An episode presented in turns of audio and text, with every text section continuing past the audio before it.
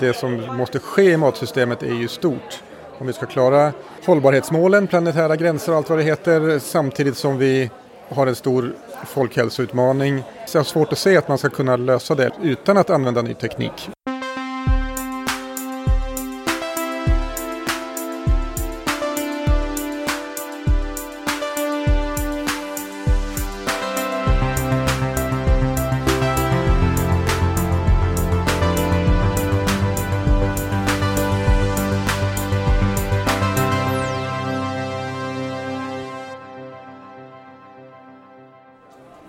Då är vi tillbaka med Heja Framtiden från Matlust i Södertälje, Södertälje Science Park och KTH.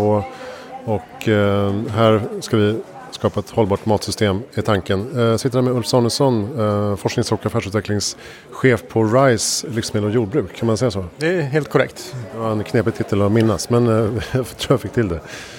Vad har du pratat om här idag?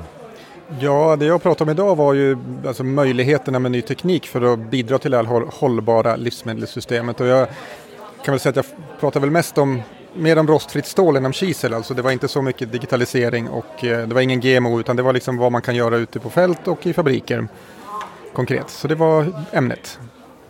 Just det, men du sa att du har blivit teknikoptimist med åren. Um, hur kommer det sig? Ja, det kan man säga. Alltså, jag har väl aldrig varit teknikfientlig på något sätt, men det, var väl en, det är väl en effekt av att jag ser att det som måste ske i matsystemet är ju stort.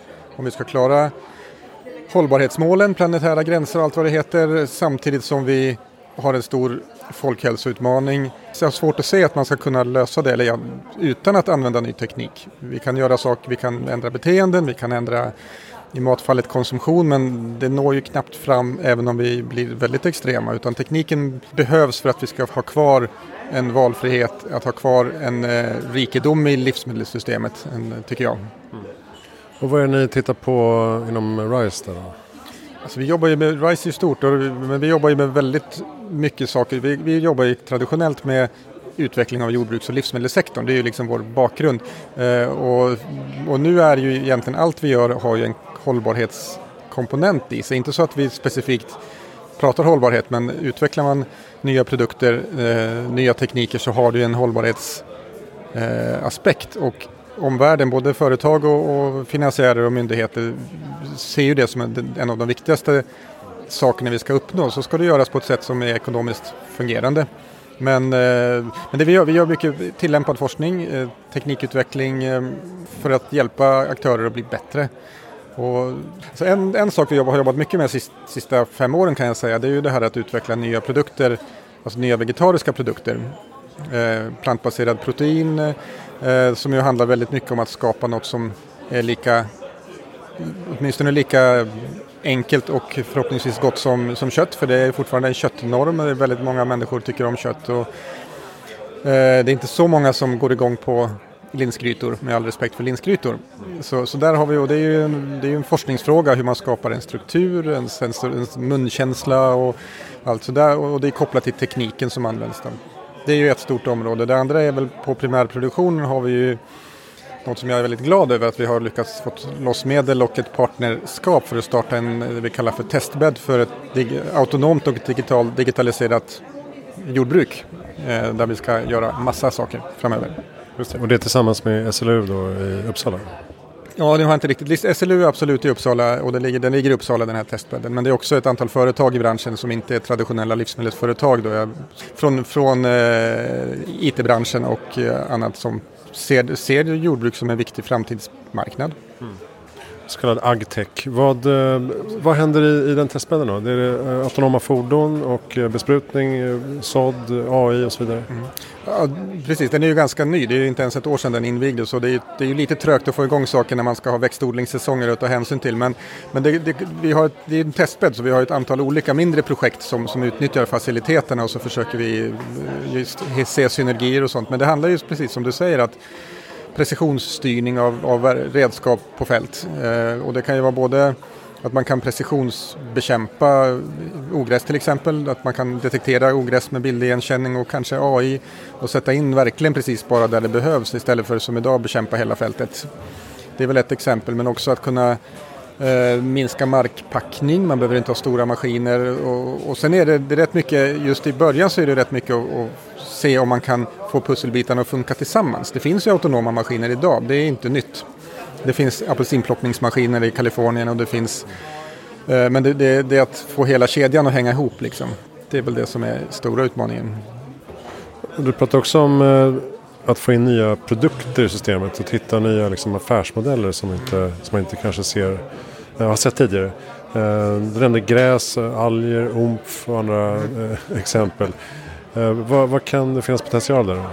Alltså jag tror att potentialen, vi har det här gräsexemplet då som du nämnde där man kan mm, ganska enkel teknik fraktionera gräset i två fraktioner, en soppa och en fast restprodukt. Och den här juicen kanske man ska säga istället för soppa, den är ju väldigt mycket mer lättillgänglig som näring för både djur och människor. Och det finns värdefulla komponenter men det som krävs, det som kanske fattas, tekniken finns, den kanske är lite dyr än men det kanske går att lösa men det som kanske fattas som är en affärsmodellfråga det är ju det att hur skapar man ekonomiska incitament till alla aktörer? För det här måste ju, dels måste ju lantbrukarna tycka att det här är någonting att satsa på. Sen måste det finnas en kund, en förädlingsindustri eller en eh, foderindustri som i sin tur måste ha en slutkund som också måste vara med på spåret. Eh, och det finns detaljhandel som är med i det här också till exempel om det är eh, livsmedelsprodukter. Och hur ska vi fördela risk och nytta med en sån satsning? För det kostar pengar. Eh, lantbrukaren tar risker, andra för, förädlingsföretaget tar risker. Och då ska man kunna dela risken på samma sätt som man måste dela vinsten? Det är en affärsmodellfråga. Ja, sen kanske eh, detaljhandeln inte vill ta in allt för små partier heller. De kanske vill ha skalbarhet direkt. Nu ska jag inte helt säkert uttala men visst, det finns ju, de, de är en gatekeeper på något sätt. Mm. Vad, släpp, vad hamnar på, på butikshyllan och, och, hur uthållig man är för att få igång försäljning. Så det, jag nämnde inte konsument som en ytterligare en viktig spelare i den här. De kanske inte ska dela risk men de är ju en extremt viktig komponent. Du eh, var inne också på att vi måste titta på helheten när vi utvecklar produkter. Att det ska vara liksom, finnas eh, en nyttighetsaspekt, eh, att de ska vara attraktiva på marknaden, att de ska vara hållbart producerade. Så här. Eh, tappar vi liksom ibland eh, något av de här hörnen, tror du?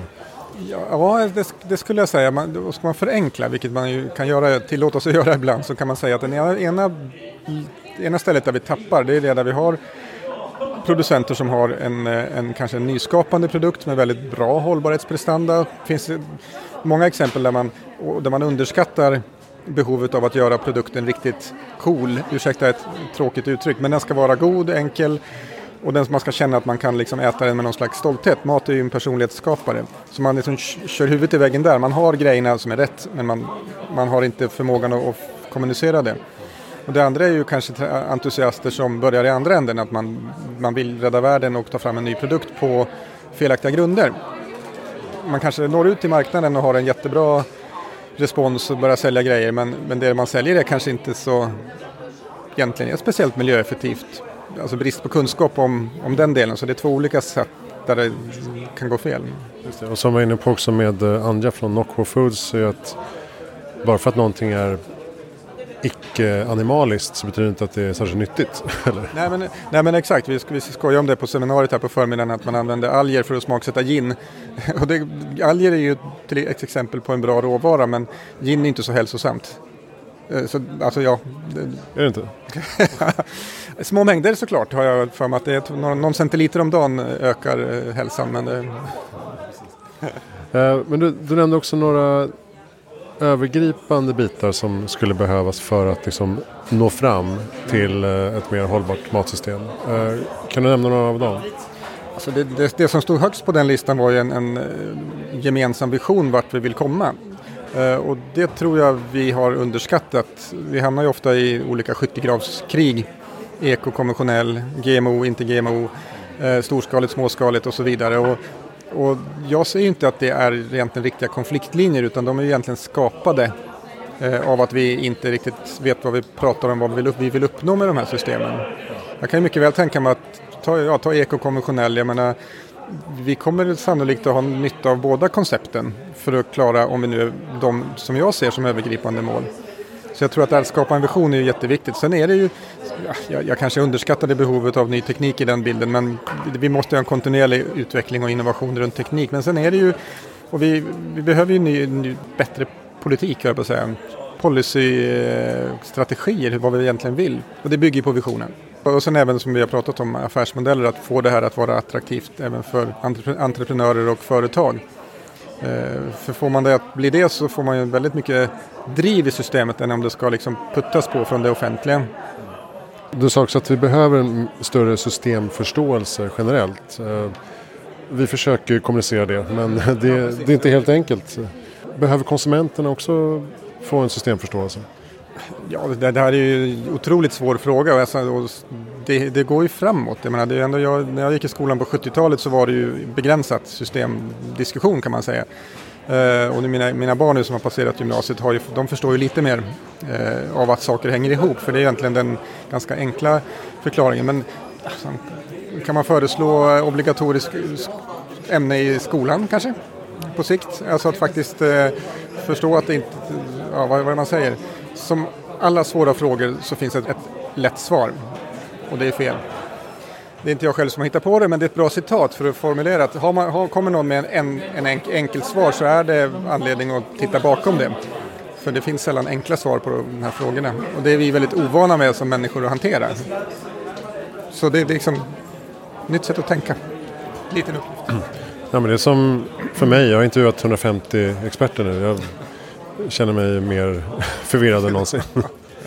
jo, nej, men det, jag förstår det, absolut, absolut. För det är också experter har ju en tendens, inklusive mig själv misstänker jag, att veta hur det ligger till. Och, och jag menar, forskningen är ju inte på något sätt skyddad från det här stuprörstänkandet, nästan tvärtom i vissa fall. Att, eh, så det förstärker ju kanske den här bilden av att, att det finns enkla svar. Och ser man ett gäng likadana experter i samma ja, rum och så blir det väldigt ja, likriktat. Kan du tipsa om någon vidare läsning på det här området? RISE har ju ri.se. Exakt, men där finns det ju en del. Det kommer ju rapporter från hela världen just nu. Det, det kom ut en, tycker jag, som jag tyckte väldigt intressant rapport som jag inte har i huvudet direkt. Men den kom i samband med det här eh, Davos-mötet. World Economic Forum. World Economic Forum heter det. Där man tog upp just de här behoven av det som jag snodde en del på min sista bild. De här vad vi behöver göra. Eh, och det, det, det, den, den, den ger en bra bild av just den här, också den här kopplingen till eh, industri, näringsliv, finans, politik. Eh, att det är inte en naturvetenskaplig fråga i första hand. Naturvetenskapen är en plattform men för att det ska hända så måste flera komponenter eh, komma in. Men det är synd att jag inte kommer ihåg. Men, och, det är inte, och det är inte heller bara en beteendefråga. För det kan man ju också landa i att så här, vi måste ändra oss. Men det är inte bara vi konsumenter som måste ändra oss. Absolut inte. Jag menar, konsumenten är ju, vi är ju som konsumenter är man ganska begränsad. Man är utlämnad åt information som är tveksam. Eh, och jag, menar, jag tycker det är frustrerande att behöva välja elbolag. Vilket är en trivial uppgift jämfört med att välja mat. Så jag, jag förstår ju att, att det blir en stress och frustration. Jag ser ju otroligt stor roll för till att börja med den politiska sfären och offentliga sidan att, att uh, underlätta. Att liksom gå in i EU-lagstiftning och göra det möjligt att faktiskt förbjuda sånt som är helt, rent dumt och stötta sånt som är bra. Eh, och sen tror jag också att näringslivet vill. Eh, nu måste de hitta vägar att göra det, på, i alla fall i Sverige ska jag säga huvudsakligen. Men sen gäller det för dem att hitta vägar som gör att de överlever eh, ekonomiskt. Då. Så det, men, men intresset finns, det, det kan jag intyga från, från, från livsmedelsindustri och lantbruket. Men då är gränsöverskridande samtal som det här på Matlust i Södertälje utmärkt eh, grogrund för nya kopplingar mellan olika aktörer. Ja men absolut, jag tycker det. det här, jag, hittills har jag uppfattat att det är just den här blandningen av de här entusiasterna och forskare och myndigheter och offentlig sida. Så jag tycker det är väldigt, väldigt väl eh, genomfört så här, så här långt. Så det är kul att vara med. Tack snälla Ulf Danielsson för att du är med i Heja Framtiden. Tack så mycket själv. Jag heter Christian von Essen. Eh, kolla också in hejaframtiden.se och om du skriver slash magasin så hittar du Framtidens hållbara matsystem. Vår fina tidning som gav ut här i januari. Eh, läs den och få en större bild av eh, vad som händer i det svenska matsystemet framöver. Tack för att du lyssnade.